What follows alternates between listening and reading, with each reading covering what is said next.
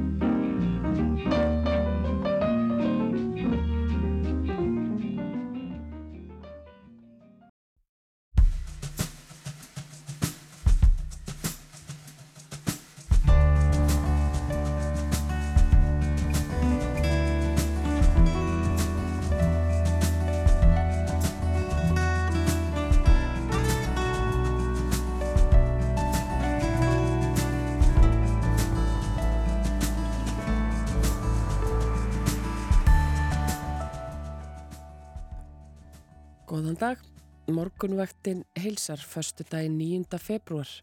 Umsjálf með þættinum í dag hafa Eirún Magnúsdóttir og Þórun Elisabeth Bógadóttir. Og þátturinn í dag verður að mestu helgaður stöðunni á Reykjaneskaga þar sem fór að gjósa fyrir réttrúmum sólaring. Í kjölfarið fór hýtavatslögn í sundur með þeim afleðingum að 20.000 manna eru nú án hýtaveitu á Reykjanesi. Við forvittnumst um stöðumála í Suðunesjabæ og Reykjanesbæ og með okkur verða þau Magnús Stefánsson, bæjarstjóri Suðunisabæjar og Valgerður Björk Pálsdóttir, bæjarfulltrúi í Reykjanesbæ. Pál Einarsson, jarðfræðingur, kemur líka til okkar og í síðasta hluta þáttarins ræðum við um stöðuna og framhaldið á eldgósunu og þessum atbörðum öllum á Reykjanesinu. Og það er ljóst að skaðin vegna raunrenslisins yfir njarðvíkurlínuna er töluverður en óvíst hversu mikill hann verður á endanum. Þetta er nýjasta dæmið um innviði sem að laskast vegna náttúruhamfara. Þau eru fleiri. Innviðinir eru hluti af þjóðaröryggi Íslandinga sem verður til umfyllunar klukkan halva átta þegar að Baldur Þórhalsson, professor í stjórnmálafræði, verður gestur okkar. Og Anna Lilja Þóristóttir fór yfir uh, veðurhorfurnar í frettatímanum hér áðan og þarf við að endur taka það, þau má kannski nefna það, frettatímin var í lengra lægi og má bústu því að þannig verði það áfram. Frettastofan fylgist vel með öllu því sem að er að gerast. En við heldum okkar streiki hér á morgumaktinni. Förum kannski aðeins yfir uh, færðina á vegum. Já, það er hér efst á vef vegagerðarinnar sem heitir umferðin.is þar sem hægt er að skoða færð á vegum. En það er mynd á það að vegfærandur er bænir að stoppa ekki á Reykjanesbrödd en það eru hálkublettir og hálka viðamland á Suðvesturlandi uh, hálka og hálkublettir á stökuleiðum en mikið til greiðfært.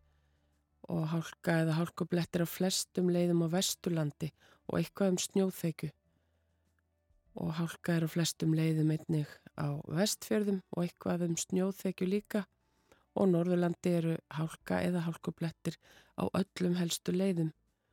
Norðausturlandi er staðan svipuð, hálka á öllum leiðum og snjóþekja á nokkrum og ófært um dettifósveg.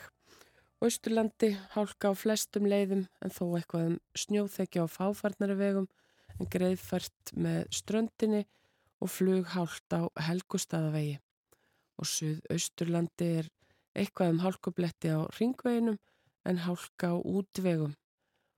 Og það er, hálk, það er hálka og, hálkublettir víða á Suðurlandi. Þannig að það er full ástæða til að fara varlega í umferðinni ef að fólk hekkur á einhver ferðalögum til landsluta sérstaklega. Einmitt, en uh, Já, það hefur dreyið töluvert úr krafti eldgóðsins tveir gígar sem að eh, eru þar eftir, tveir til þrýr hafa verið uh, síðan síðdeis í gær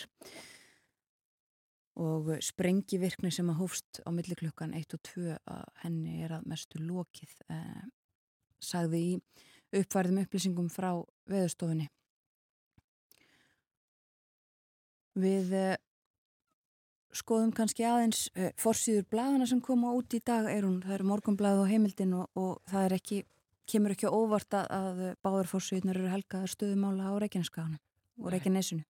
Það er hansi magnar myndir og báðar þessar forsýður eru með heilmyndum, það er, er lítil texti en myndirnar látna tala, það er mynd hér eftir átna Sæberga forsýðu morgunblæðsins og það sem sést hvernig raun rennur yfir Grindavíkuvegg og fyrirsögnin er innviður undir hraun og þar er nefnt að sjötta eldgós á Reykjaneskaga á þremur árum hafi hafist við sundnúka gíga í gerðmorgun og heita var slöst sér á Suðunjessum eftir að hraunströymur frá gósinu rauflögnina frá Svartsengi.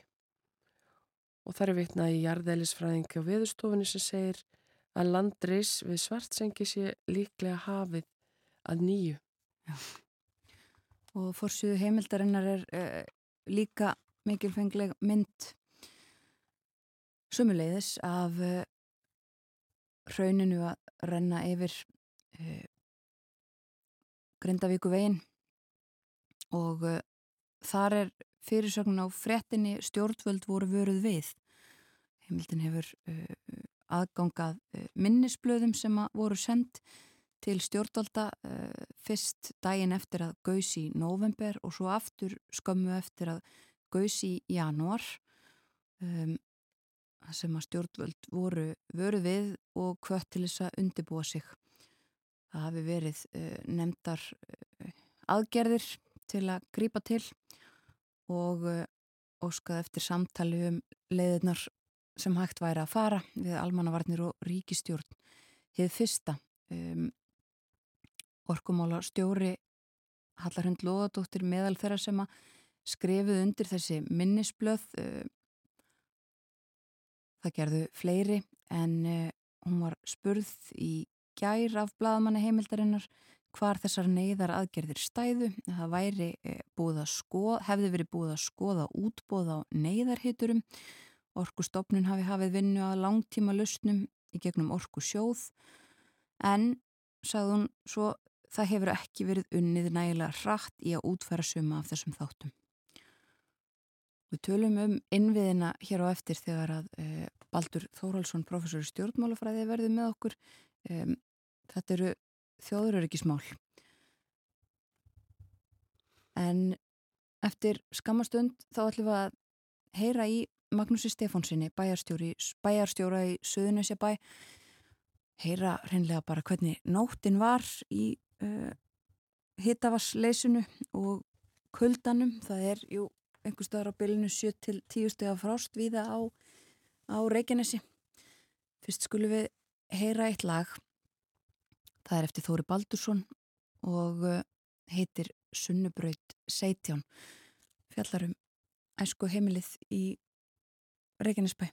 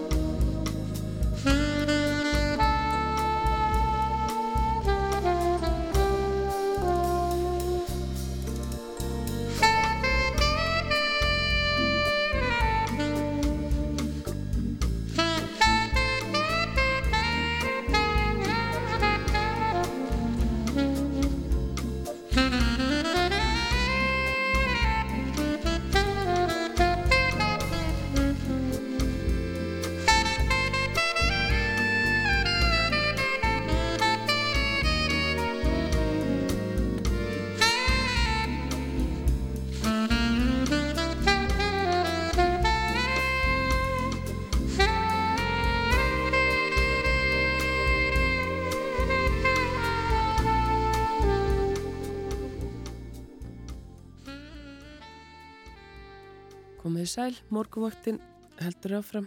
Við erum komin með Magnús Stefánsson, bæjarstjóra í Suðunisabæ á línuna. Góðan daginn Magnús. Já, góðan daginn. Uh, Getur þú byrjaðu kannski að lýsa þess fyrir okkur uh, gerdeginum hjá ykkur í Suðunisabæ? Já, þessi gerdag var náttúrulega, hann fónum svolítið öðru sem þetta maður laði upp með í byrju dags þegar við uppgötuð hafa byrjið gós og svona þá náttúrulega var maður að vona að þetta er nú svipa og var bara hérna sérstaklega í desember sko. Uh, síðan svona fljóðlega er að, já, hvað að segja, svona meðan morgun þá fórum menna ásjá því að, að raunreynsli gæti farið að ógna sko innviðum hann í Svarsveiki svæði og svo bara fór allt á stað hann einhvern tíman undir hátegi og, og svo gerist þetta að, að raunin fer hann í lögnum um hátegi og þá náttúrulega var allt búið að vera á fullu og, og, og upp úr því og dagurinn gæði til dæmis að mér fór nú allur í fundahöld í aðgerarstjórnum og bæði aðgerarstjórn Suðunisja og eins hjá okkur í Suðunisabæ til að hérna svona taka á málum og undirbúa forvarnir og, og skipula og allt þetta. Svo gengur. Ja. Þannig að það var ímislegt annað sem var að dagskrafni gerur en, en svona er þetta stundum Já. þessu hjá okkur, maður veit ekki alltaf hvernig dagur enda þegar hann hefst Einmitt, það getur þurft að breyðast breyðast með skoðum fyrirvara en hvernig svona gekk þetta hjá ykkur? Voru einhverju sem að til dæmis þurftu aðstóð við að halda hýta hjá sér? Nei sko, þetta gekk allt mjög í gær allt, allt sem lítur að svona þú veist, menn voru að passa upp á eins og hjá sveitafélaginu það var náttúrulega verið að huga að, að, að hérna, mannverkjum og, og hús, hússtæði og allt þetta til að til að hérna, mæta þessari stöður sem uppkom að missa hýtan og allt þetta, það er mörg að higgja ja. og síðan alltaf skipulegja stafsum og þjónustu sveitafélsins og það var bara strax teknar alls konar ákvarðanir og við samræmdum okkur eh, með hinn sveitafélag hérna svæðin, neður Reykjanesbæ og Vó stiltum okkur bara saman svona í helstu þáttum eins og til dæmis með skólahald og annað. Þannig að dagur í gær fórum í þetta allt en, en sko, nú hefur við eftir að sjá í morgun svona, já þeirra lýrun í morgunni hvernig staða verður og staðan er í núna. Varðandi, varðandi hérna e, hýta á, á hérna húsnæði, þetta hefur það fallið í síni gerðkvöldi það það er ljóst.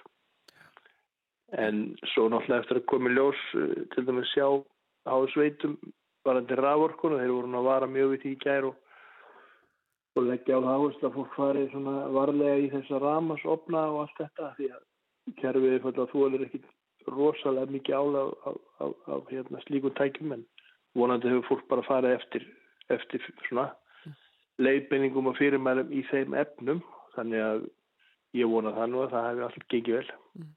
Ramagn hefur hverki dottið út svo þið vitið til Nei, ég er ekkert, ekkert frett af því sko Nei. og ég held að ég held að það er nokkið dorðið en vonandi ekki Nei. En uh, þannig að nóttin eftir sem að þú best veit gekk ágætlega, það er enginn sem hefur þurft að leita aðstóðar eða svoleiðis vegna kulda Ég hef ekki það, ég var sjálfur bara í góðum málum í draumaheimi í alla nótt og svo bara vel. Já. Eh, þannig að þetta kemur allt í ljós núna eftir en, en nei, ég var ekki vonað því. Þetta nú þetta fór að kolna í, í hjá okkur hérna svona eitthvað upp úr nýju gerðkvöldi, eitthvað svolis og hérna, en auðvitað eru húsnæði misjátt, það er auðvitað misjátt hvað, hvað húsnæði heldur hýta eftir einangrun og öðru og hérna, en ég er náttúrulega ekki vonað því að það sé alveg ástand við það sko en þá og hérna og svo náttúrulega hefur eftir að fá fréttar því og eftir hvernig hefur gengið aðeins í nótt hérna að, að sko finna lausna því að tengja heitavatni aftur. Og þeir eru bjassinni með það í gæra það geti, geti gerst bara jafnvel setni fartið í dag í kvöld að leipa vatni á aftur það er, það er mér finnst það nú mest að spenna núna að fá að vita hvernig það hefur gengið og hvað mér sjá fyrir sér því. Mm, Já, en veistu hvort að margir uh, úr þínu sveitafélagi leituðu eitthvað annað? Fóru hreinlega til ættingja eða eitthvað út af út úr sveitafélaginu? Nei, ég hef ekki teistuð það svo, svo sem. Finnst það nú ekki sérstaklega líklegt að það hafa verið einhverju mæli sko. En auðvitað getur vel verið að einhverju hafa gert það en, en hérna ég, mér finnst nú frekar ólíklegt að það, það hafi verið einhverjum, af einhverju ráði sko. Hvernig svona hvernig lítur dagurinn í dag út hjá þér sem bæjastjóra í Söðunisabæ? Já, ég bara hreinlega hef ekki hugmyndu um það. Nú fyrir maður bara í, inn í verkefni dagsins og, og hérna, sjáum hvert það leiðir okkur. Og hérna, ég vona bara að þetta hafa ekki ekki verið. Við, náttúrulega verum að átt okkur á því að, það er ekki þannilega neyðar ástand uppi annað en bara að það vantar hýta á húsnæði og ef við sjáum fyrir okkur að, að það verið farið að og allt gangi vel eins og ég er að vona auðvitað eins og allir aðrir að, hérna, að það verið komin ílur á aftur kannski setjum bara á lögata eitthvað svona að þá er þetta ekkit þá verður þetta ekkit hérna, þannig ástand að þessi ástæða til að vera með einhverja meiri háttar aðgerir til aðstofa fólki með hérna, einhverjar mótökustöður slíkt.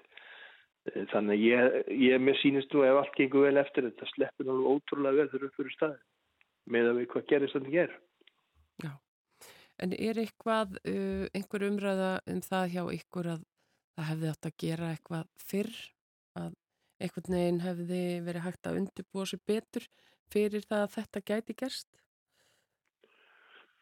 Sko það er alltaf þannig með hvað sem er eftir á að higgja þá getur alltaf verið með ef og hefði útskýringar og hérna ég er alveg vissum það er einhverju sem eru sem velta þessu fyrir sig en, en við sko máttum góða því að, að það er náttúrulega búið að vera mjög mikið í gangi hérna á svæðinu alveg síðan sko já, ég veit ekki hvað við segja, þrjú ára eitthvað eða meira og bygginga varnagarða og menn hafa verið átt að segja hvert hugsalega raun getur runnið eftir í hver hugsalega gós getur komið upp og allt þetta.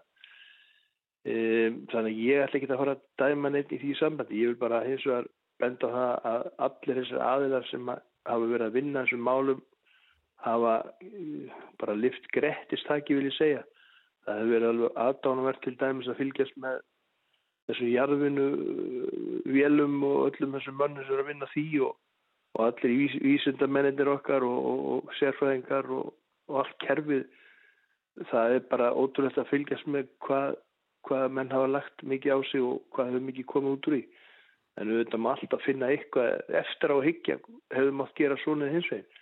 Ég er ekki í þeim spórum ég, ég teg bara þátt í að vinna með mönnum að vinna á þeirri stöðu sem að uppi komin og helst auðvitað að geta beitt einhverjum forvörnum eða fyrirfram hérna, lausnum.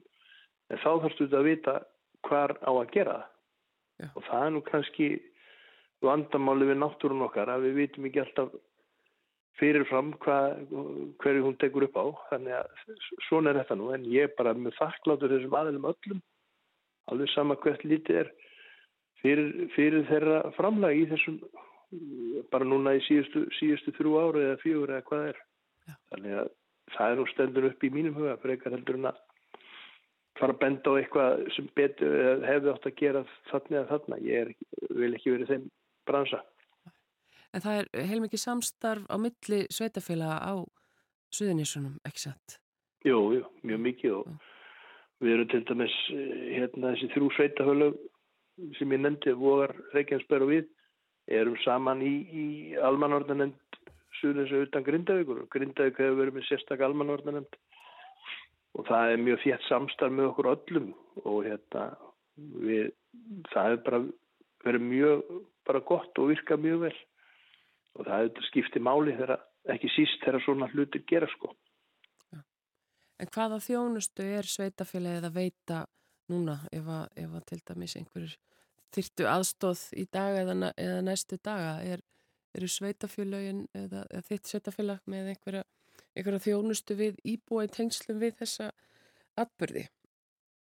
Já, við erum alltaf bara inn í almanarða kerfinu og hérna og sko ef einhver þarf á einhverju að halda þá eru þetta auðvitað að hafa samband og, og við erum með ákveðið sístem sem tekur það utan að við komandi og og, og leysum úr því ef að fólk þarf að flýja húsnæði eitthvað svona. Það er hérna, við erum með þetta fjöldahjálpa stöð eins og alltaf Já. þegar aðbyrju gerast og það er tekið utan þá sem fyrir aðstofa að halda og, en ég hef ekki vonað því að það verði núna eins og ég sagði ára þá, þá er ekkert svona hætt eða neyðar ástand uppi í sjálfu sér þó að við séum á, á því stíði á almanvörnum en en ég held að þetta munum allt fara vel fyrir uppur staði, ég er alveg sattfærað um það.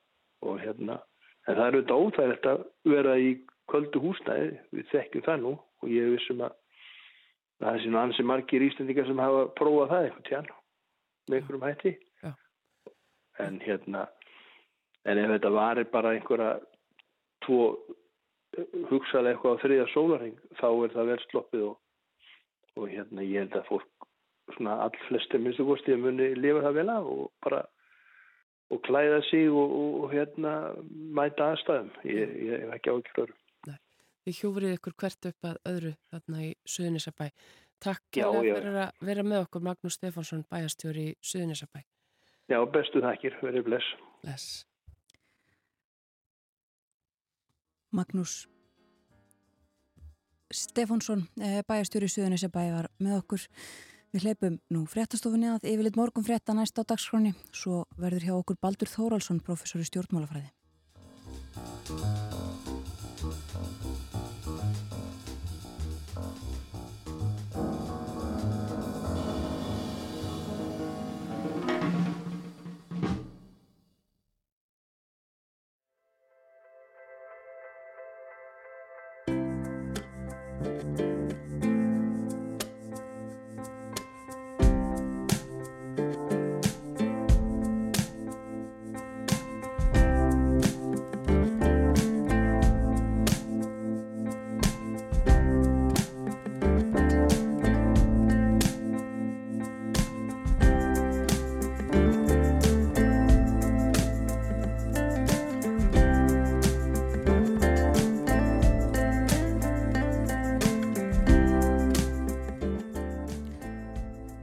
Sæl á ný, þau eru að lusta á morgumvaktina á rás 1 klukkan orðin rúmlega halv 8, það er förstu dagur í dag, 9. februar og uh, við erum með hugan við stöðuna á Reykjanesi þar sem að uh, um 23.000 heimili eru án hittaveitu. Töluðum hér fyrir frettæfiliti við Magnús Stefánsson bæjastjóra í Suðunesjabæ uh, sem svo vel og segir að Það hafi flest allt gengið vel í gær eftir að þessi staða kom upp að hraun flætti yfir njarðvíkur æðina sem að uh, varð þessu aldandi að, að hittaveitan fór út á þessu stóra svæði. Og uh, Magnús fór líka yfir það sem að uh, er framöndan í dag. Hann hefur ekki hugmyndum svo sem hvað það er. Það eru allir skólar lokaðir, all eh, íþróttamannvirki eh, skert starfsemi mjög víða enda uh, kallt og má búistu því að það verði áfram. Þannig ekki vita alveg hvernig gengur að koma heita vatninu aftur á um, um varalögn. En við ætlum næstu mínútunar að tala um stöðu og öryggi Íslands í alþjóðlegu samengi, ekki síst í ljósi stöðu heimsmálana En líka nú vegna þess sem er að gerast á Reykjanesi ætlum að ræða eins um þátt ímissa innviða í einmitt öryggismálum þjóðurinnar og eh, til okkar á morgunváttina er komin Baldur Þóraldsson, hann er profesor í stjórnmálafræði við Háskóla Íslands. Velkomin á morgunváttina. Takk fyrir. Um, eins og ég segi, ljósi stöðunar sem nú er kominu upp, þá ætlum við að tala um þetta innviðina og þjóðuröryggi og eh, innviðir eins og heitvatn og ramagn og samgöngur uh, sem nú eru kannski mest til umfyllunar. Þetta er luti af þjóðuröryggi og þjóðuröryggi stefnu, er það ekki? Jú, það, það er það. Þjóðuröryggi stefnan tekur ekki síður til almannavarna heldur svona ytri hernaðarleira áhættu, áhættu þátt að og það glemis kannski stundum í þessari, þessari, þessari umröðu og raunin er sko þjóðuröryggjustefnan mjög víðfem stundum hefur þannig verið gaggrínt sko, hún kannski einblýningi ekki, skul ekki einblýna meira kannski á svona hefbundin öryggis og varnamál en ég held að sem er mikið vægt hún taki á öllum sem fjölda þáttar sem hún gerir mm -hmm. sko það er talað um sko í þjóðuryggistefninu sko hættunni sem getur fyllt loftlagsbreytingum það þurfum við að huga sko í, í þjóðuryggistefninu á net og upplýsingauryggi skipulaðir glæpastarsemi sko ógn við stjórnskipan og stjórnkerf og fjarskipti orkuöryggi og líka er henni talað um sko, fjármála og efnahagsöryggi.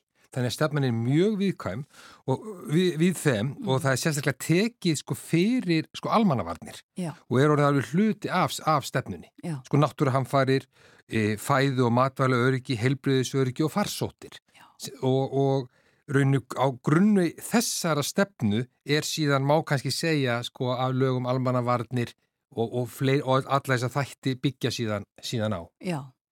Uh, einmitt og það talaði um þarna í stefnunni að það er að stöðla að vernd og órófa virkni mikilvægra innviða, uh, áfallathól er líka þarna til umræðu um, gegn einmitt hverskins ógnum, öllu þessu sem þú varst að, varst að telja upp. Um, Katrín Jakobsdóttir fórsættis á þeirra vera í Karsljósi gær og þar sem hún jánkaði því að það hefði jú ymsir gaggrind stjórnvöld fyrir andvaraleysi eftir að þessi hrina hófst á Reykjaneskaganum fyrir hvað fjórum árum síðan. Það var ekki bara núni í nóvember. Hún félst nú ekki á að þessi gaggrin ætti rétt á sér en svona ef þú lítur yfir þetta e, er eitthvað sem Íslands stjórnvöld hefðu geta gert og undirbúið betur? Já það er kannski ef maður, ef maður skoður þetta kannski bara í heilsinni út á þessu stefnum og að tryggja sko bara almanna öryggi þá held ég að við hugum ekki nóg að því eftir vil varðandi bara innviðin í heilsinni það þarf ekki nefn eitt sko góðan storm að þá liggja ramasleiðslur og ramagstöðra nýður í heilu landslutunum og byggðarlög verða kannski ramaslaus í marga sólarhinga og skýðingi er síðan, e, e, kemur síðan frá ráðamönnum, já bara þessar línur og stöðra eru bara áratöðu gamlir og löngunni úreldir já. og þá veldur maður fyrir sig, er ekki, ekki, ekki ávætlindi staðar varðandi þessa enduníun til þess að svona laga gerist ekki. Við sko, sko smáríkin í stundum talu um það upp í háskóla að svona áfallastjórnun er gríðarlega mikið hjá, hjá litlum ríkjum vegna þess að e, sko það eru svo, þau eru svo einhæfari og ef eitthvað fyrir úrskeiðs í litlu ríkjum þá, þá fer rauninni allt á kvolv. Það eru mörgu litlu ríkjum eins og okkur, það er bara einn alþjóðafljóðullur. Það eru eitt eða tvö flugfjölug það er eitt eða tvö skipalflutningsfyrirtæki og ef þessi aðeila bregðast til dæmis þá er allt komið í kalda kól mm. og til dæmis við réttur um ári þegar var ekki að riðja reykjanisbröytina og keflavíkur fljóðullu var sko bara lokar og fólk innleiksa þar í einni eða tvo sólarringa ég þetta er hann á ekki, verið að gerast og þetta er bara kom vegagerinu og öðrum er bara óvart. Og þau réði ekki við verkefni það er eins og sé ekki áallinni til meira segja til þess að bregðast við sko veðrinu e, og við ættum nú að eigum að vera vön því svona, já, svona látum og hamagangi þannig að maður svona veldi fyrir sér hvort að vandi eitthvað svona meira skiplag á hínum af þessum stöðum varðandi þetta. Já. Það nefna að við, við fórum örstuðt yfir þetta hérna í morgunu, það er einmitt fjallað um uh, þessi máli heimildinni í dag, það sem eru uh, minnisblöð sem að voru sendt til stjórnvalda uh, strax eftir eldgósið í, í november og svo aftur í, uh, í janúar eftir að það gauðs þá. Það sem var einmitt verið að hvetja til þess að það yrði brúðist uh, strax við þessu, hennum ímsu sviðsmyndum meðal annars bara hlutir eins og að styrkja heimili svo þau gætu keift sér kindibúnað, við sáum það í, í gæra það var greinilega margt fólk sem ekki var uh, með svoleiðis. Það seldist allt upp á, á söðunessum líka fjallaðum já, svona stærri aðgerður og það þyrti mitt, eins og segir það er viða bara kannski einlögn eitt, eitthvað sem getur farið úrskeiðis og þá klikkar svo margt. Það líka talað um sko um ólíu, ólíubyrðir hér á landi sem væru ekki tryggar, ekki nægilega miklar og það svona kemur inn á líka það sem að við ætlum að ræða hérna eftir smástund sem eru uh, auðvitað vegna utanakomandi aðstana við veitum aldrei hvernig flutningur á, á ólíu uh, verður til landsins í rauninni. Það getur ímislegt haft áhrif á það. Uh, og það er talað við hana Höllurhund Lóadóttur sem að segir það var ekki unnið nægilega hratt í að útfæra suma af þessum þáttum sem að uh, búið er að benda á Og við lítum því stóru myndin, sko það bara stigur ráþeirar bara á ráða með sjálfið fram og sögðu, sko þegar við fórum að skoða að fjölda svona öryggismála eftir allsýra innræðs Rúslands í, í Úkrænu, það bara sáum við það að það þurfti bara endur endur uh, semja lög sko um byrðastöðu í landinu, um net og fjars, fjarskipt, fjarskiptaöryggi, e, fæðuöryggi. Við vorum bara ekki, ekki, ekki viðbúin. Þannig að svona þessi áfalla stjórnur og, við, og viðbúnaður við áföllum, það er eitthvað neginn eins og við bara stingum stundum höfðun í sandin þegar kemur að þessu. Og ef maður ber þetta til dæmis saman við Svíþjóð og Finnland, sko hvað stjórnur þar til þess að hafa alla tíð lagt mikla áherslu á hvað menn hafi á sínu heimilum ef þetta stríðsáttaka kemur Já. sem er nú sko miklu minni líkur heldur en eh, hérna jarskjaldar eða gós hér eða válind eh, veður þá er áherslan hjá stjórnvöldun þar svo gríðarlega mikið hvað hvert og eitt heimili hefur til þess að geta þá staðið af sér, einhver utan að koma til ógn í einhverja daga e eða vikur það fer ekki mjög mikið fyrir þessu það er vissu aðeins tala um þetta. Þannig ég held að það virðist eins og vera bæða stjórnvöld og svo margir taka kannski þessu ekkit of alvarlega því það er búin alltaf búin að liggja tóldi fyrir í marga vikur núna í marga ára á Reykjanesi að það getur orðið ramaslöst, það getur orðið hittavasskortur þannig að við spilum hvar eru, hvar eru hérna blásararnir skiluru, hvar eru rafstöðvarnar og, og svo framvegi sko mm. og það er, nú skils maður að vera flytja inn til landsins rafmasofna e, já, það er og hvað ef fljóðullinu væri lokaður? Veltum við að fyrir sér sko þetta er svona, svona spurningar held ég sem þannig að þurfi aðeins að huga að. Já og kannski mikilvægt að hafa í huga þetta hefur uh, margt verið gert uh, og það er verið að vinna allan sólarhingin að því að, að, að tengja heitavatni þannig aftur. Um, og kannski eins og Magnús Stefánsson bæstjóri í bæði kom inn á áðan og Katrín Jakobsdóttir líka gær það eru þetta óvisa, það er, það er erfitt að spá fyrir um hvað nákvæmlega gerist og kannski erfitt að vera við öllu búin en það er mikilvægt að gera svona áallanir og, og vita Ég við sáum þetta eins og var þetta sóttvarninnar og, og farsóttinnar hvað sko rauninni helbriðiskerfið, landlækningsembættið og sóttandarlæknir voru vel undirbúin, höfðu fengið reynslu þarna í fugglarflensunni og þann flensun sem gengur yfir 2010 þá voru þið mjög vel undirbúin rauninni undir COVID. E, e, þannig að það er alveg, hægt að undirbúi sig að þessu, þessu marki og grýpa þá hratt og öruglega til skilverkra aðgerða eins og þá að til dæmis gert. Við ætlum uppálega, Baldur, bara að tala uh, um, já ekki bara, við ætlum að tala um uh, öryggismál Íslands og, og smáríkja kannski almennt uh, tilefnið það að þú heldur fyrirlestu síðar í dag uh, um, um þessi mál, uh, heimsmálinn og, og stöðu Íslands. Og þú ert svo sem aðeins búin að koma inn á þetta uh, og það sem að þú rannsakar meðal annars eru þessi smáriki og einmitt svona það staða þeirra í heiminum. Það eru þetta mjög margt á segði, við erum eins og segir undanfærin tvö ár búin að vera uh, með stöðuna í Úkrænu og, og möguleikan þar á útbreyslu eða, eða enn frekari átökum.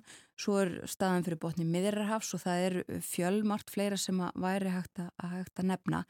En um, þetta tengist, tengir okkur svona inn í þessi öryggis og, og varnamál í breyðara samhengi. Um, og, ef við horfum á það uh, hvað þarf Ísland að gera og getur gert til að styrkja sína stöðu og sitt öryggi? Sko, sko fyrst langar við bara að nefna það að mér rauninni finnst rauninni yfirlýsingar áðamanna bæði Vestanhafs og Austan rauninni bara að vera ókvænlegar þegar talaður um hversu mikla líkur eru rauninni bara á stríði og veru ókn við heimsfriðin Það koma núna í okkar helstu bandalagsríkjum hverjar matskíslunar að fætur öðrum frá leini þjónustum þessara ríkja ennbættismönnum. Það sem talaður um að sko Rústland, þessum ríkjum, Breitlandi þá til dæmis Danmörku, staði verulega hernaðileg okn af Rústlandi. Uh, og engum og sérilega sko raun í formi sko netárása og kannski árásherrferða en líka í ykkurum skærum og búist er við eh, eitthvað bara hernaðilegri ógn af Rúslandi og það eru meiri líkur að henni núna heldur voru bara fyrir nokkur missurum og ég held að við verðum rauninni að taka þessu alvarlega og mér rauninni finnst ekki taka þessu nú alvarlega hér á landi. Mér finnst bara við ekki verið að taka þessu nú alvarlega rétt eins og í aðdraðanda allsirra innræðs Rúslands í Úkrænu þegar leinið þjóðrastu bandaríkjana og Breitlands töluðu frá miðjum november stöðuðu það að Rúsland væri að fara inn í Úkrænu menn vildu bara margir á Vesturlundum ekki horfast í augu við þessar upplýsingar sem voru að koma fram. Nú koma þessar upplýsingar fram. Auðvitað vonast sko maður eftir því besta en ég held við þurfum undirbúkur undir það, undir það, það, það vesta. Og þegar kemur þá, þá að Íslandi sko Ég, það, er bara, það er bara svo margt sem þarf að gera sko. ég stundum, og kannski fyrirlesturunum á, á eftir upp í háskóla allir að skipta þessu annars vega niður sko, í heimavarnir hvað getur við gert hér sjálf heima mm. og síðan hvað getur, gerum við með bandamönnum okkar eh, sko innan á Norðurlöndunum eða í Allarsasbandalæðinu eða tvílega varðansamlingunum við, sko, við, við, við bandaríkin grund þættinni til dæmis í heimavörðnunum sko er nú bara einfallega bara mjög skilvirk og öflug stjó, sko, stjórnsísla sko þessi eru sérfræðingar og þekking og reynsla að takast á uh, við uh, ógmænlega viðburði e, við þurfum að e, sko gæta að þegar kemur beinum kannski öryggismálum út fyrir þessi almannavarnir er bara gæta að þeim stöðum þar sem eru ólíubyrðir í landinu, þar sem eru virkjanir. Ég, ég veit það í, nær öllum naturíkjum þá sést þú gæstla orðin á þessum stöðum, ja. þar sem eru mikið var orkubyrðir í löndunum. Sko nú veit ég ekki hvað þessu hátta er, er, er hér á landi e, og mér finnst rauninni stjórnmálamenn, ef við bara segja þetta eins og er, bara ekki tala við almenningu um þessi mál. Þeir senda fara sér áramóta ávörp og það er bara ekki rætt um öryggis og varnamál meðan áramóta ávörpna er allra leitt og nákvæmlega ríkjum okkur fjalla um öryggis og varnamál og maður bara eiginlega skilur ekki alveg sko þennan þessa gríðalegu gjá sem er, er á milli umræðu um öryggis og varnamál meðan íslenska stjórnmálamanna og í, í, í nákvæmlega ríkjunum. Þannig að sko Það er, svo, það er svo margt sem náttúrulega þarf að hafa huga að, þó að sé vissulega verið að stíga mikið væskrið til dæmis eins og hér á landi varði neturíkismál, varðan til upplýsingu óriðu og falsfrittir sem eru klárlega eru orðnar stort raunni bara e, sko öryggismál. En sko þessi náttúrulega innviðu uppbyggingin er líka örygg, öryggismál sko eins og við ta talaðu um sko, mm. flugvellinir, samgöngumálin og svo, svo framvegs. Já, akkurat þetta uh, spilar allt saman. Um, já, þannig að þetta eru svona kannski hlutinir sem að Ísland þarf að gera, kannski aðeins áfram með mitt um þetta með sko samtalið ég veit að þú hefur verið uh, ég nefnt þetta bara oft og lengi og verið gaggrinnin á þetta, það sé ekki nægilega mikið bara umræða og, og meðvitund um uh, öryggis og varnamál hér. Og það kannski ekki síst þetta sem þú ert að segja sem þér finnst uh, vanda upp og í stjórnmálunum en líka samtalið við almenning. Já, bæði hefðum að vilja sjá meiri sko umræðu á sko þingi e, um þessi mál. Þó vissulega hefur hún, hefur hún aukist sko einmitt hvað ber að gera þegar að þessar yfirlýsingar og þessar skýslur er að koma í nákvæmlandunum um þessa verulegu ógn við heimsfriðin skil bæði vegna hugsanlega útbyrðislu átakana á, á Gaza útbyrðislu átakana í Ukrænu í, síðan er talað um að kannski mestar áhugjur kemur fram í þessu skýslum eru langtíma áhrifin af hernaður uppbyggingun í Kína. Og ef að bandaríkin og Kína fara að, fara að, e, fara að stangast á í meira mæli heldur þau gera. Svo hvernig ætlum við þá eiginlega að bregðast við umræðin á þingi vantar og síðan bara emitt, samtal við almenning. Ég, held þetta ástæðan kannski fyrir því að við, þetta er ekki gert, okkur er fundist voðalega þægilegt að útvista þessum málum til uh, stefnumótandi aðela í nákvæmlega löndunum og í, í, í NATO ég hef líka tilfinningunni stundum að vilja stjórnmálamenn halda þessu uh, fyrir sig en að þessu sögðu sko þá sakna ég sérstaklega umræðana vegna að ég veit að búið að vera byggja svo veruleg þekkingu til dæmis í auðverkisraðunendinu í öryggis og varnamál Já. Þekkingin er orðið miklu meiri og betri og fleira fólk sem vinnur í, í þessum málum í auðverkistjónustinu, bæði hér og land og erlendis alveg, og, og, og upp í háskóla er líka fleira fólk sem, sem, sem, sem kannsitt fag þegar þess að kemur. Þannig við gætum alveg tekið upp samtalið. Já. Því að sjálfsveit náttúrulega sitt sín í hverjum og það er svo mikilvægt sko að reyna að forgánsa þegar kemur að þessu.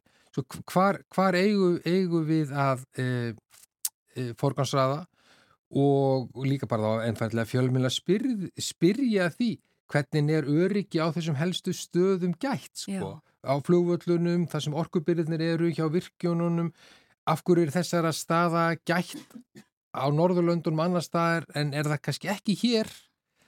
Hvaða skýringar eru, eru á því við sjáum núna bara mat hjá Ríkislauglustjóra á aukinu ógun við hriðjuverk Uh, sem tengist þessu líka. Þetta geta verið einirkjar en, en líka náttúrulega vegum einhverja erlendra, erlendra abla Já.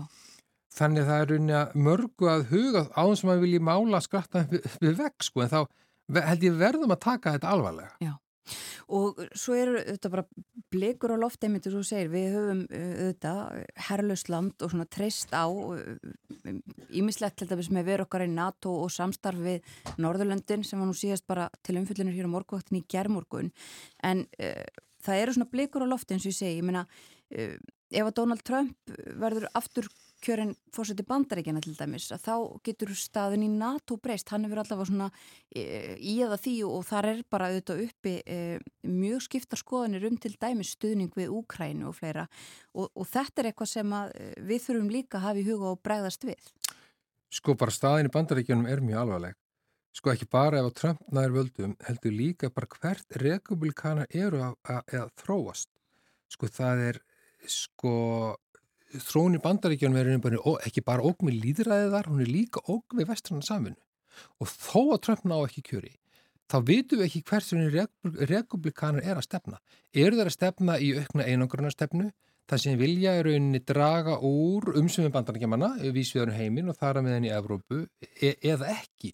Og við, við getum ekki sagt til um það, þetta er náttúrulega bara raun ákveðin þróun, en við verðum að undibú okkur undir það að bandarækjumenn séu ekki, og bandarækjum stjórnvöld séu ekki tilbúin að verja Evrópu í því mæli sem þið hafa verið raun frá lokun síðar í heimstyrjöldar. Mm.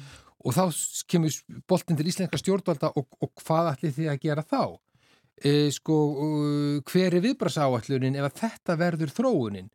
E, sko, ég myndi til að segja að og sem ég sé að stjórnund eru líka að gera það er að forgámsraða samstarfi við Norðurlöndin Já. og reyna að útvika Norðurlandasamvinnuna og samstarfi við þau áður öllu hugsalegum svið sem við getum bara náð yfir hvort það er samfélagsleg eða þegar kemur að öryggismálum mm. eða til dæmis var þetta lofturýmis gæslu Til dæmis Ísland er eina ríki sem ekki er með loftrýmisgæslu allt árið. Nú eru Norðurlöndin til dæmis að huga að samræmingu eða saminri loftrýmisgæslu í, ríkjónu fjórum.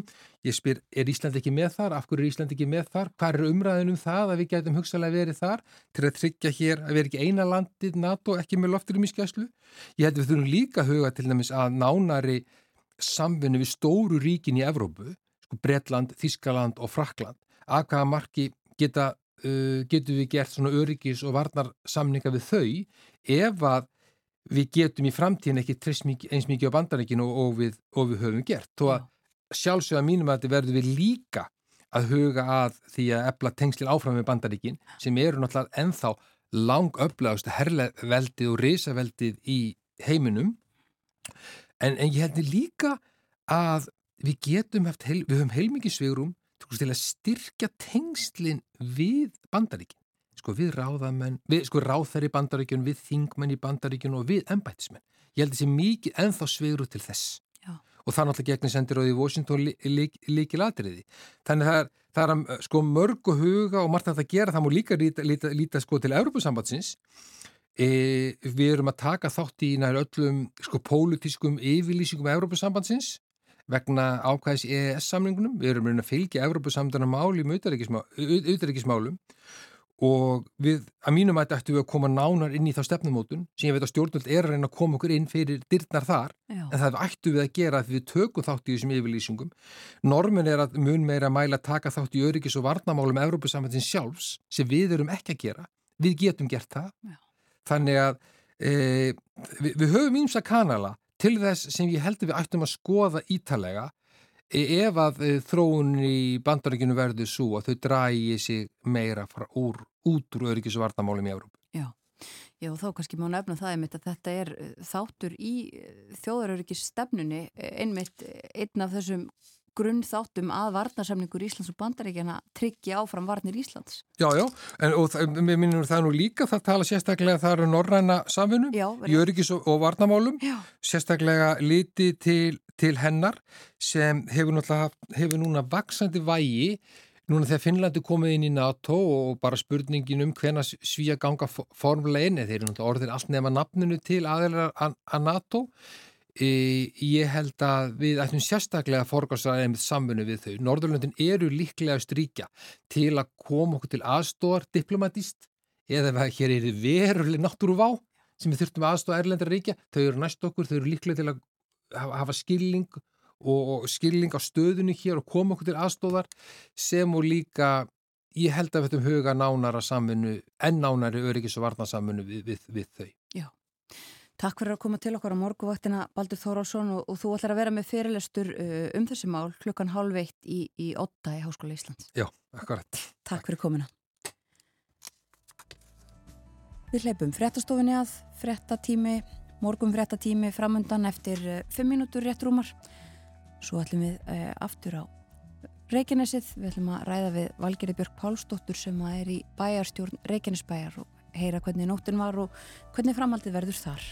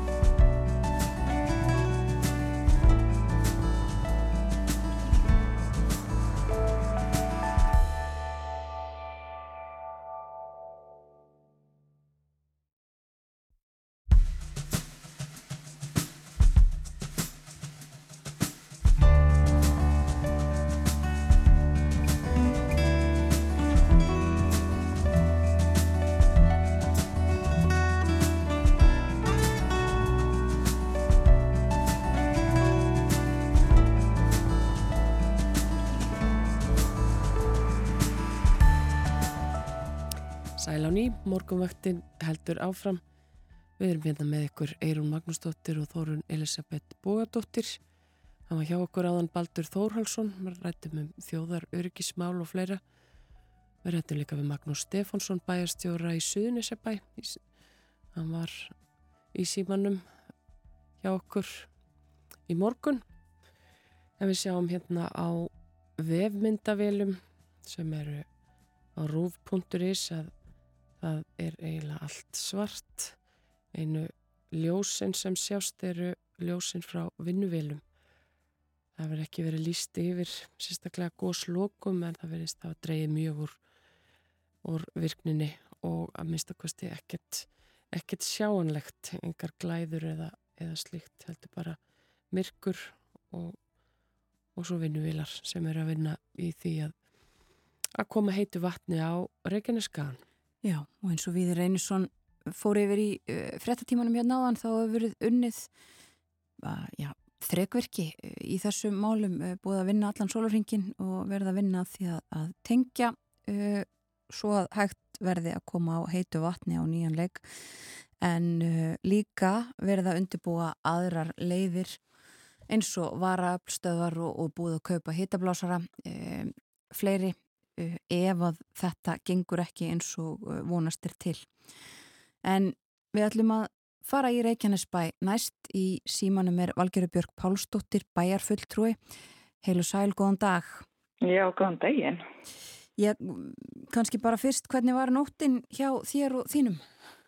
Hún var nefnilega bara alveg ótrúlega fín. Við hérna... Um, náðum bara að loka svolítið herbergin af og börnin voru saman í pínu litli barnaherbyggi og, og hérna og við hjónin í okkar og það bara sá allir alla nóttina vöknu núna fyrir stuttu og húsið er ekki óbærilega kallt sko. Það er bara alveg allt í lægi hérna frammi. Við erum með eitt rafmagsofn frammi í stofu og það bara virtist allavega hafa gengið vel að halda húsinu svona ágætlega heitu. Þannig að við erum nú bara nokkuð góð. Já Það er gott að heyra og uh, þú veist ekki betur en að það hafi bara allt gengið vel, réttur svo Úlvar Lúðvíksson uh, lauruglistjóri fór svo sem yfir hérna í frettatímanum áðan, að það verðist allt hafa gengið svona þokkalega vel. Já, við hérna, um, ég veit að neðastjórður Reykjanesbæri er að funda bara eftir smá stund og það heyrir maður kannski eitthvað betur hvort að það hefði ekki gengið bara vel allstaðir í bænum en hérna, já, það bara, maður heyrir ekki annað. Nei. Hvert er svona hlutverk ykkar í bæjarstjórn í þessum aðstæð?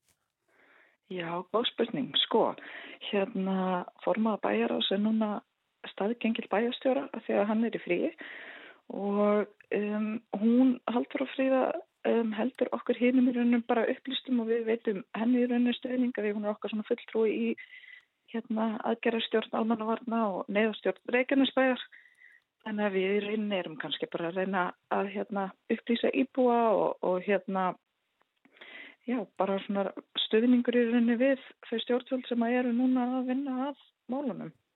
Já, og uh, það var ekki aðeins svona uh, um, mennuðu áökjur af uh, sjúkrahúsinu og hjúgrunarheimilunum kannski ekki síst en það hefur allt uh, gengið vel að halda hita á, á þessum stöðum. Já, það er nefnilega nákvæmlega máli auðvitað fer hugumanns bara fyrst þanga. Það er, mér fannst mjög hérna bara fallegt hvernig maður tala í gæri fréttunum að maður ætti aðtöða með nágranna sína og hérna huga fólki af ellendum upprunna sem eru kannski ekki að fá allar um, eða sem kannski veit ekki er þetta upplýsingum. Um, og svo er mitt hérna feisthæmaði ömmu mína sem að liggur á spítalunum hérna hún var bara mjög góð með hérna nýja öllatæppi sitt og hérna þannig og svo verðist líka bara hafa gengið vel á hjógrunarheimilinu en þetta er svona að maður finnir að það er allir að standa saman. Það kom í gæri hérna pósturinn á nágranna hópin á Facebook þar sem maður verið að lána hérna svona ramagsopna þannig að þú veist maður finnir alveg að það er samstaða og alla, allir einhvern veginn alltaf standa sér vel. Líka ég heyrði áðan hérna í upphafi hérna eða svo sett eftir fréttunar að það væri verið að tala um að væri allt svo dimt og það var auðvitað að vera að tala um góðsvæði en Já. það sama áeila við um bæin allavega hverfi mitt sko þetta er alveg pínu drungalegt. Allir er einu að spara ramagn veist, þó að það hafa ekki verið neitt, veist, ekkert högt eða neitt, að þá er bara, það er bara dimt allstaðar. Það er allir búin að slökka öll út í ljós og inni og þetta er alveg svona smá drungalegt, sko. Já, og eru þið þó bara með kertaljósið? Já, það er nefnilega, hérna, var, þú veist, mjög kósið í gerð og svo svona rétt svo, emitt kveikið maður bara þar sem maður er en maður bara sé að það að kerða hans um í gerð og það og svo áhugast að sjá hvað allir, það er bara þvílitt að munna taka all, all, all þú veist eins og margir eitthvað með ljó, jólaljósun og svona, allir er alveg búin að slakka og reyna að gera sitt besta. Einmitt, já, það standa allir saman og, og gera sitt besta já. í þessum aðstæðum. En hvað með götu lýsingu? Hún er ennþá, ég er nefnilega, og líka það er leikskóli hérna í gödunni hjá mér og það er alveg lýsing þar, þannig að ég veit ekki náttúrulega hvað staðan er akkurat núna alls það er í bænum, en hérna, en það var allavega allt í góðum þar. Já, einmitt. Einmitt og eins og þú segir, fólk er svona að standa saman, huga að, að fólki og kannski líka sérstaklega með þetta í, í viðkvamari stöðu og, og fleira mm -hmm. slíkt. Sko, Valgjörur, uh, það var sagt frá því í frettum í gæra að hérna, gaskútar og, og ramagsopnar og, og svona þessi tæki sem hægt er að nota til til hitunar með öðrum leiðum hafi bara selst upp, fólk streymdi til þess að kaupa uh, þetta en sko hvernig upplifir þú svona undibúning fólks almennt? Var fólk uh, undir þetta búið nægilega vel? Já, góð spurning, sko bæði og hérna þú veist það er, var alveg fullt af fólki búið að retta sér alltaf að svona einum litlum ramagsofni afti áður og, og en nei, sko ég man alveg um daginn, það var mikið verið að reyna að koma upplýsingu til fólks hérna varðandi þryggja daga kassan, eitthvað svolítið svo vegum hérna rauðakrossan selgi það var svona pínu, þú veist, hérna ef allt þrítur, þú veist, þá þurfum við að eiga smá mat og einhverjar byrðir og einmitt hérna talað um hérna hlýja sokka og, og hérna teppi og, og kerti og svona hérna opna. Já. en ég, mér fannst við ekki hátta ekki því eitthvað rosalega alvarlega skiljum mig þannig að það kom kannski ekki rosalega óvart að sjá þetta í gæð í hérna, myndarni hann frá um, vestlunum þar sem að var verið að hérna, kaupa opnana en svo skilst mér náttúrulega að hérna, almannavarnir hafi útviðað svo þeim sem Akkurat. opna þannig að það er allavega gott að vita að það er allavega enginn, við erum bara í sköldu húsi í já, nótt. Já, uh, einmitt, þú nefndir sko matin og fleira, veistu hvernig verður með, með verslanir og, og, og svoleiðis þjónustu í dag? Nei, það er nefnilega akkurat sem við vorum að, að hérna spá ekki að ég, hérna, um, við höfum allavega ekki hirt neitt annað en að þau hafi bara opið þannig að, að meðan það er rafmagn þá ætti það að vera allt í lægi en hérna, við hefum alltaf ekki fengið neinar upplýsingar um það. Nei. Nei. En veistu til þess að margir hafi yfirgefið bæinn í gerð? Nei, nefn, hérna, maður sá svona eitthvað pínu á samfélagsmiðlum en mun minna en ég bljóst við.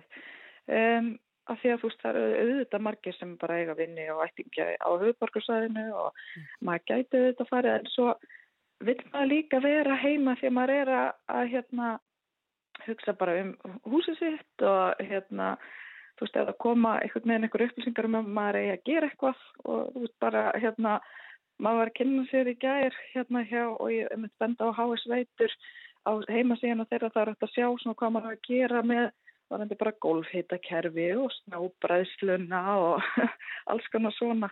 Já. Þannig að ég upplifi svona eins og fólk hafi aðeins vilja svona staldra við til að byrja með og svo heyrði maður auðvitað bara, þú veist, það var alveg, það er alveg bjart sinni í fólki og sérstaklega, þú veist, upp í hérna aðgerastjórninni og neyðastjórninni og, og þannig að maður svona pínu bara vildi hingra og sjá og auðvitað vera, þú veist, til staðar fyrir fólkið sitt líka. Já. Já, það er bjart síni uh, að ekki allavega verið sagt frá neinum hnögrum á þessari miklu vinnu sem að er í gangi og vonast til þess að það verði hægt að hleypa vatni aftur inn á húsin uh, allavega á, á morgun.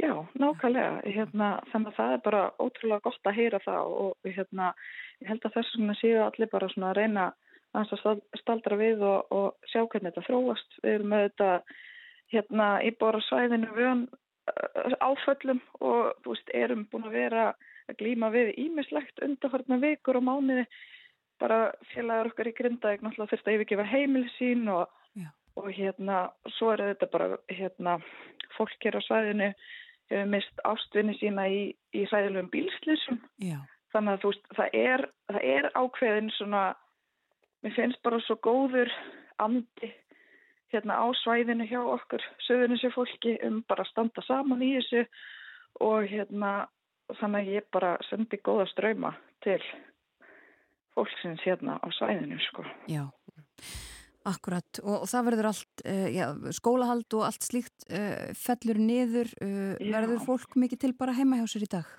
Já, með gruna þann og ég vona að verði bara alltaf lægi í húsunum svona til að vera því að maður er með þórir valla að opna hurðina. Það er alveg veist, svona mínus nýju gráði held ég úti en maður er alveg þvílít að reyna að spara það veist, og fara í kjút en maður fara það ekki. Þannig að ég er alltaf heima með tvö grunnskólabötni í dag og, og hérna svo sjáum við bara hvað setur. Já. Við gerum það. Kæra þakki fyrir að spjalla við okkur á morgunvaktinni Valgjörður Björg Pálsdóttir, bæjafulltrú í Reykjanesbæ. Takk sem leiðis. Þá skulum við heyra tónlist. Við ætlum að heyra lægið When Buttercups Grow. Þetta er Mikael Máni Ásmundsson af plötunni Innermost sem hann gaf út í fyrra og með honum á plötunni spila, spila þau Lilja Marí Ásmundsdóttir, Henrik Linder, Magnús Tryggvason Eliasson, Tómas Jónsson, Una Sveinbjarnadóttir, Jasnei uh, Rózjanó Krús, Guðrún Svend Haradóttir og Júlia Móhansson. when buttercups grow.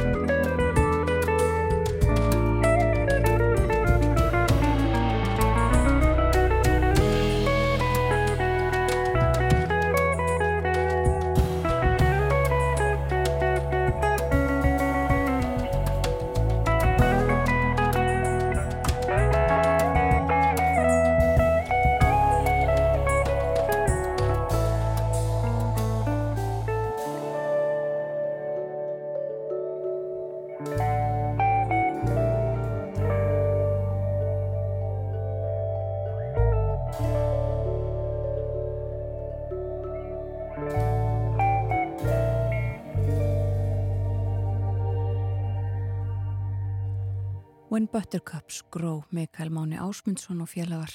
En það er komið að yfirleiti morgunfrétta frá fréttastofinni og uh, svo verðum við okkur hér á morgunvaktinni Pál Einarsson. Við ætlum að tala um eldgósið og uh, framhaldið. Sælóni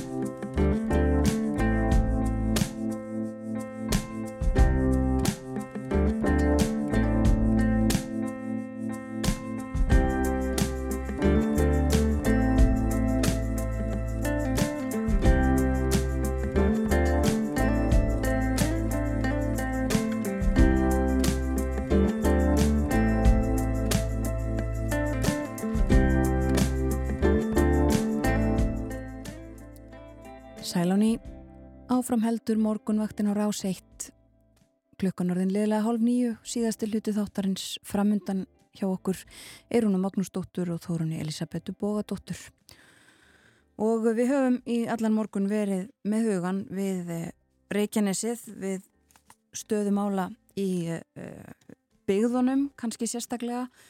Uh, við höfum talað bæðið við Magnús Stefánsson hjá Suðunesja bæ og nú síðast valgerið Björg Pálsdóttur bæjarfulltrúi Reykjanesbæ. Það verðist allt hafa gengið þokkalega í uh, hittavarsleysinu og uh, nú í síðasta hlutu þáttarins þá ætlum við að tala eins um eldgósið sem að varð uh, valdur að þessu öllu saman.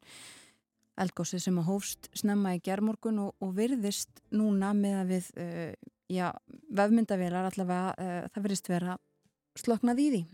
Það sérst ekki neitt allavega En til okkar er komin Pál Einarsson, jarðeðlisfræðingur og professor emeritus. Velkomin. Takk fyrir. Uh, þetta gós er svona ansi frekt. Það, það hérna, bara kom og, og fór eiginlega en, en dregur þetta dilka eftir sér miklar afleðingar. Er, var þetta eitthvað eins og við varum að búast eða kom þetta þér á óvart? Nei, það, í sjálf og sér kom þetta ekki neitt sérstaklega óvar. Þetta var nánast kópia af, af umbrótunum sem urður rétt fyrir jólinn.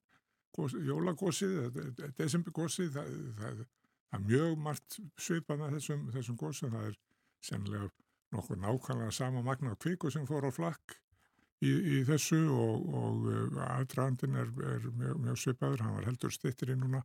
Já. en uh, að mörguleiti var þetta mjög svipað góðsprungar uh, ná, nákvæmlega á sama stað og, og uh, það var náttúrulega komið ljós nákvæmlega hvað mikið raun kom upp en, en magnið sem, sem fór úr kvikugeiminum undir svartsengi, hann, það verðist vera mjög svipað þannig að þetta er mjög svipað rætbörðu nema að raunnið að sjálfsögðu, það rennur eftir því landslæði sem að fyrir er þegar það, þegar það rennur og, og og það rann þetta, þessi taumur óþarlega langur og mjór sko, sem fór í vestur og gerði þennan skafa sem, að, sem orðin er. Já.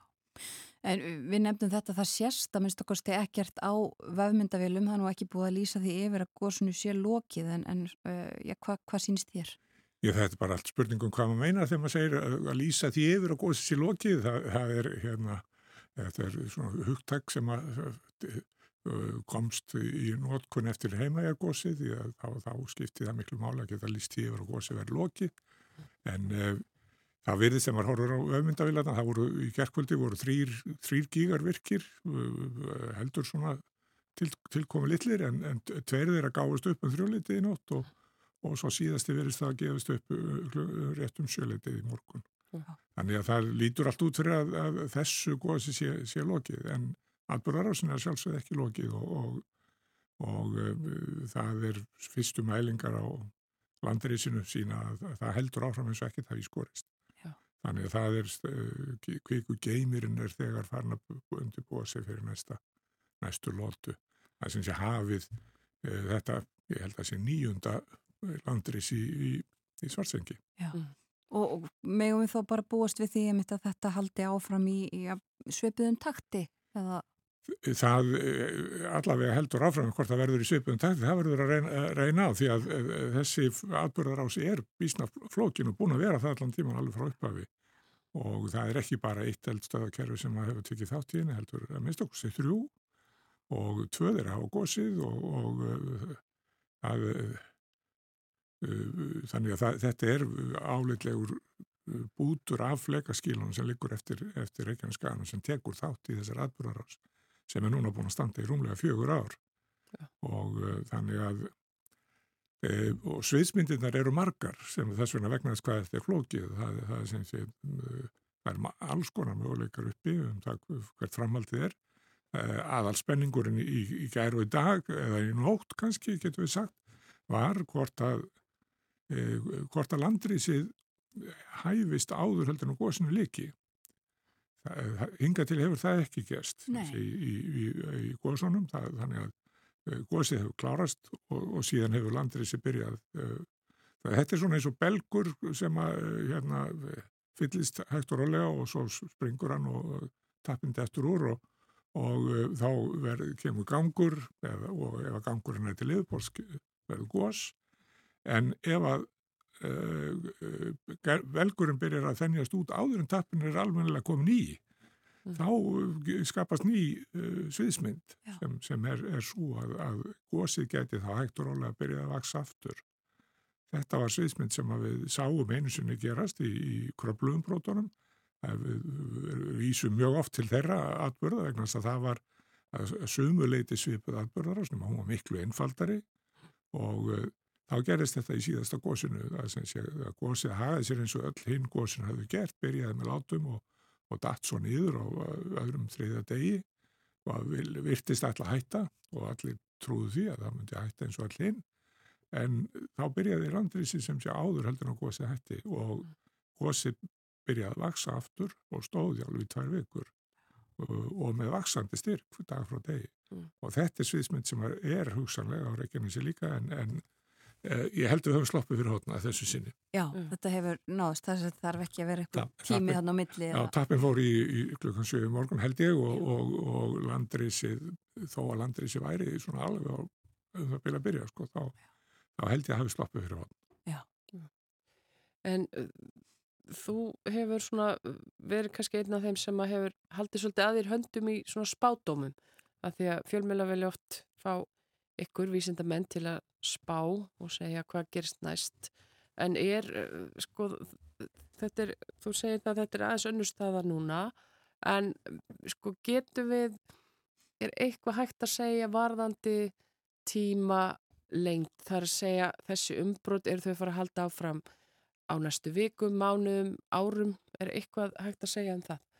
Það er, það er náttúrulega vandamálið í þessu og, og, og kannski eftir því sem við höfum meiri reynslu og þekkjum fleiri atbyrði af svipaðri eh, stærðagráðu eða, eða af svipaðri náttúru þá, þá eh, náttúrulega sjáum við að, að, að það getur margskonar gest og, og þessi möguleikar eru mjög margir.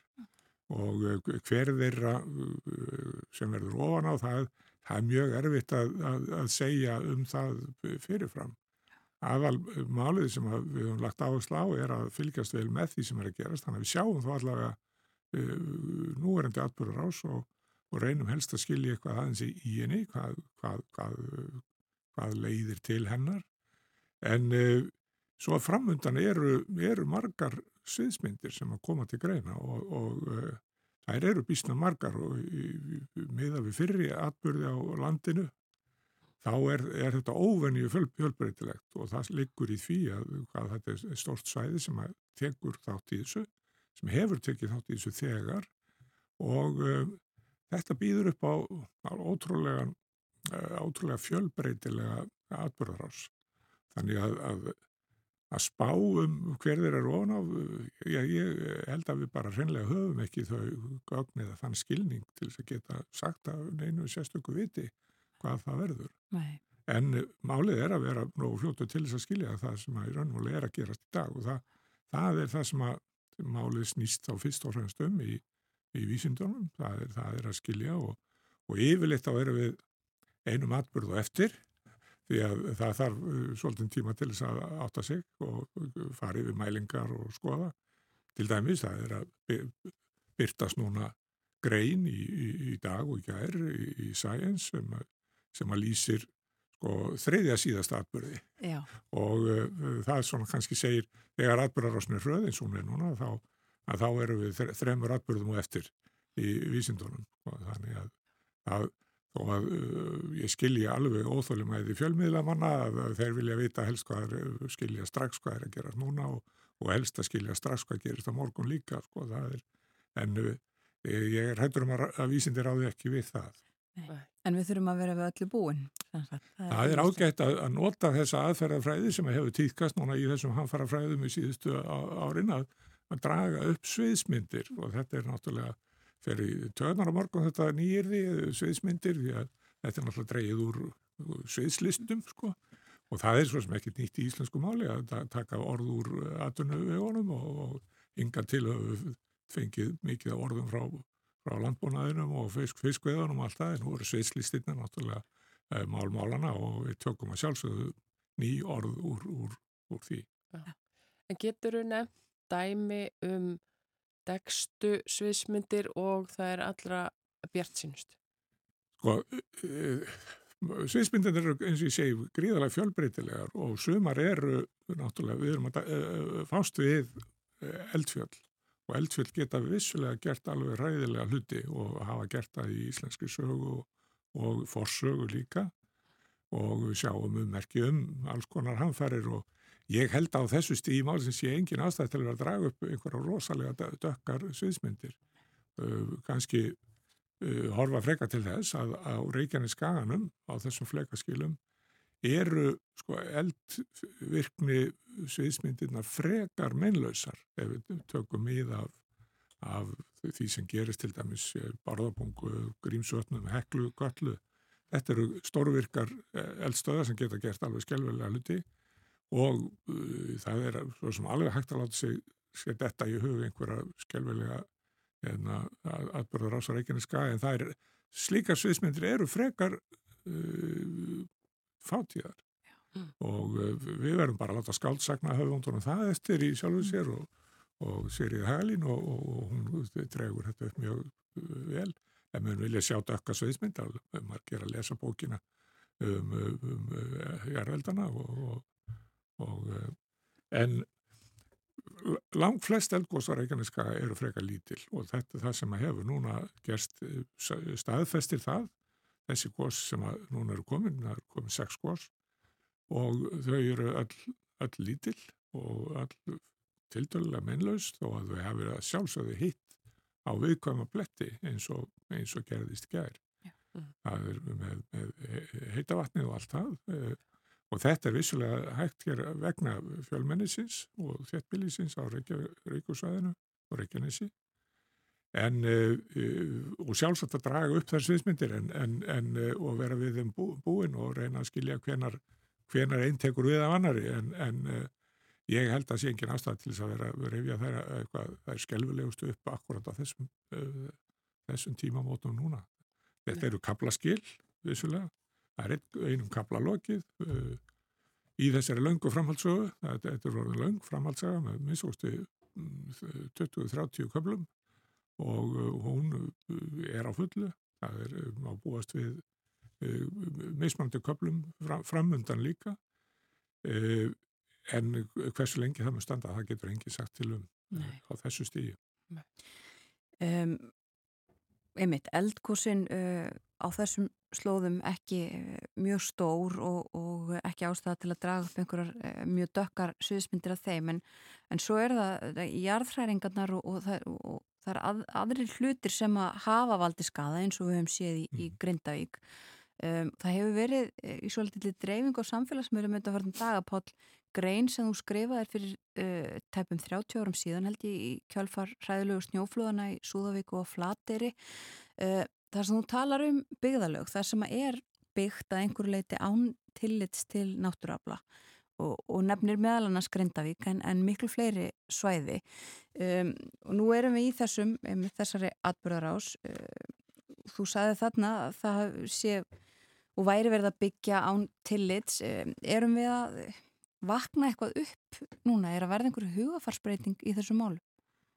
Já, ég held að sjálf ótt að segja það. Það bara síðustu áratugir hafa verið uh, svona áratugir uppgötana á, á, á þessum sviðum í, í hamfara málunum og þá náttúrulega fyrst og fremst vegna þess að mannfjöldin vext mjög á, á Íslandi og Íslandi er land náttúruhamfara og uh, við ætlum okkur svo sannlega að búa hér áfram og þá þurfum við bara að læra að lifa með þessum náttúruhamförum og taka tillit til þeirra í, í því sem við, við, við gerum hér og, og það má sömuleiti segja sé óheppilegt hvað, uh, hvað náttúran var mild og róleg á síðustu öld, miðbygg 20. aldar þá var óvenni lítið um að vera í náttúrunni. Það voru uh, mjög fá eldgós, ek, ekkert, ekkert sérst að það voru fáir jarðskjáltar sem eitthvað hvaða og, og á, á meðan er þetta nútíma þjóðfélag að byggja stöð. Já, já. Og það, það þýðir náttúrulega að, að, að þessir, þessar hættur hafa alls getur verið tekið, teknar nógu alvarlega og eh, kannski heldur ekki ef við skiljum nógu vel í þeim. Það, það, það, það er náttúrulega nöðsynlegt að maður ætlar að reyna að fyrirbyggja tjóna þeirra völdum þá, þá þarf maður að skilja hvernig, hvernig í þessu likur og hvað þarf að gera til þess að líti eftir og það þarf að vera öflugt eftirlit og ekki bara nógu með eftirlit heldur þarf þurfa að vera líka öflugur vísindaransóknir og uh, það er, er uh, því að aðstæðna hér á landi eru mjög sérstakar að mörguleiti, ekki bara eldfjöld og verskjöldar Eh, heldur líka snjáflóð og, og veður, veður er, er, getur verið mjög hættilegt Já. og uh, þetta við þurfum að, að stunda rannsóknir á eðliðra hér vegna þess að við getum eða ekki lært allt af, af nákvæmum okkar og, og þar sem þetta hefur gæst í öðrum löndum. Ja. Eh, Járskjálta hættan er að öðrum toga hér heldur en við eða annar staðar og sérstaklega eldgósa hættan hún er allt öðruvísi heldur en að menn þekkja annar staðar og, og snjóflóðina sjálfsögur sér kapitul út af fyrir sig. Já. Þannig að hér þurfa að fara fram öflugar ansvarnir til þess að skilja eðlið þessara, uh, þessara hættu og svo þarf náttúrulega að hanna mannlega lífið í kringum það. Þannig að, að menn byggja ekki uh, þversum yfir sprungur uh, að við byggjum hús sem að þóla hristingi í erskjaldum og uh, tökum til, til hvar raun geta runnið og hvar þau geta ekki runnið og, uh, og, og hvar snjóflóð hafa orðið og hvar snjóflóð geta orðið. Er, uh, þetta var svona ný hugsun á sínu tíma því að menn tóku áður bara til til þess sem var, menn mundu eftir, sem helstu menn mundu og en, en við þurfum að hugsa miklu víðar heldur en það því að flest þessara fyrirbreyða eru sjálfgæfari heldur en heldur en einn mannsaldur þegar sem sé það þarf að hugsa þetta lengri tímaskala. Já, einmitt það. Kærar það ekki fyrir að koma til okkar á morgunvaktina Pál Einarsson og ræða um þetta. Við fáum eflust að leita til þín aftur síðar. Já, takk fyrir. Takk svo leiðis.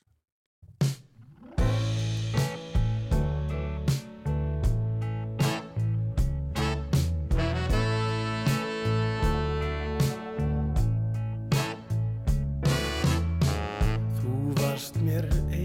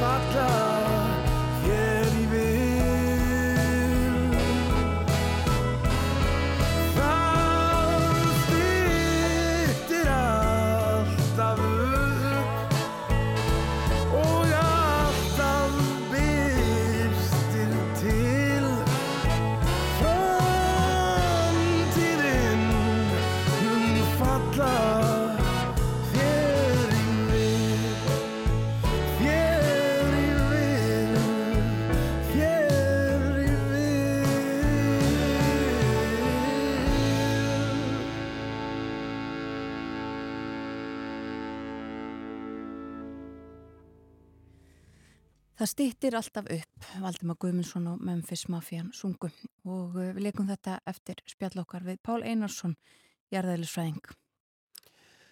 En á sunnudag 12. februar er 1-1-2 dagurinn, 1-1-2 dagur neðalínunar og markmið með deginum er að minna á þetta neyðarnúmer allra landsmanna, 1-1-2 og vekja aðtikli á viðbragsaðilum sem standa vaktina árið um kring og það hefur aldrei reynd á þessa viðbragsaðila að undanförnu og full ástæða til að minna á þennan dag. Það verður formlega dagskrá í sal sjómenjasapsins millir klukkan 13 og 14 og sunnudag og hægt að fara í skoðunarferðir í varskipið Óðinn og Sæbjörgu skólaskip Slisavarnaskóla Landsbergar. Já, vegna þess að þema dagsins í ári er öryggi á sjó og vötnum og uh, hægt að finna upplýsingar um þennan dag á netinu líka. Svo ætlum við líka að nefna, það hefur verið komið inn á það í viðtölum hjá okkur í morgun við svona viðbragðið uh, við ímiskunar náttúruvá. Það er hægt að skoða á vef Rauðakrossins verkefnið sem að Valgerður Björk myndist á hér áðan við okkur þrýr dagar. Það er svona yfirlit yfir það sem að fólk ætti að hafa í huga og hafa á heimilum sínum tiltækt ef að hamfarir eða neðar og standinur yfir. Vera með viðlaga kassa og heimilis áætlunum. En morgumvaktinni er að ljúka þennan förstudagsmorgunin og þessa vikuna raunar líka. Við höfum setið hér frá því fyrir klukkan sjö. Eirún Magnúsdóttir og Þórun Elisabeth Bóadóttir og verið aðalega með hugan við stöðumála á Reykjanesi. Við Og- verðum hérna aftur á mánudag Já. en morgunvaktin er þá lokið að sinni. Verið sæl.